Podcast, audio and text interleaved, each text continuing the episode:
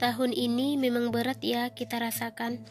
Kita diminta untuk berdamai dengan keadaan, bertahan dalam situasi yang tidak mengenakan, yang akhirnya membuat kita tidak nyaman. Karena selama 2020 berjalan, kurang lebih 10 bulan kita menjalani kehidupan yang sebelumnya tidak pernah terbayangkan. Awalnya kita terpaksa menjalaninya, karena banyak sekali yang berubah dalam hidup kita. Kebiasaan baru yang membuat kita jadi kaku, kita jadi berpikir terlalu banyak ketidakmungkinan yang bisa kita upayakan saat itu. Kita diminta menjadi anak rumahan, yang akhirnya juga membuat kita jadi banyak rebahan. Kita diminta untuk mengorbankan banyak hal demi menyelamatkan nyawa banyak orang. Terlalu banyak rindu yang ditahan, terlalu banyak air mata berjatuhan.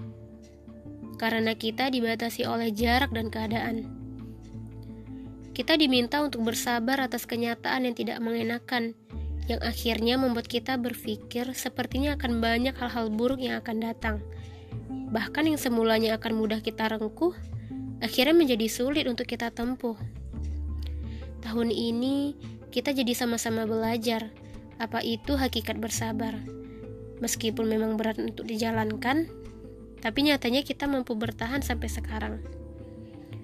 Meski banyak rencana yang harus tertunda, bahkan ada yang batal hingga gagal, tapi nyatanya kita tidak pernah kehilangan harapan.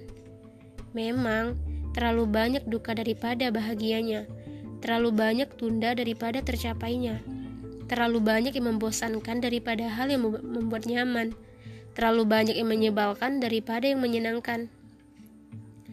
Meski keadaan memaksa kita untuk menerima kenyataan, Bahkan terlalu banyak hal-hal terjadi di tahun ini yang tidak kita inginkan. Tapi, kita harus tetap luaskan keyakinan bahwa akan banyak hal-hal istimewa yang sedang Allah persiapkan untuk kita sambut di tahun mendatang. Bahkan mungkin akan lebih banyak dibandingkan beberapa tahun belakangan. Kita harus tahu, tahun ini kita bukan gagal.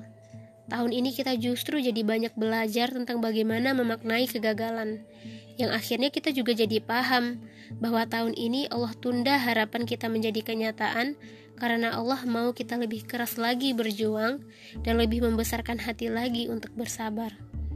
Dan kamu jangan pernah putus harapan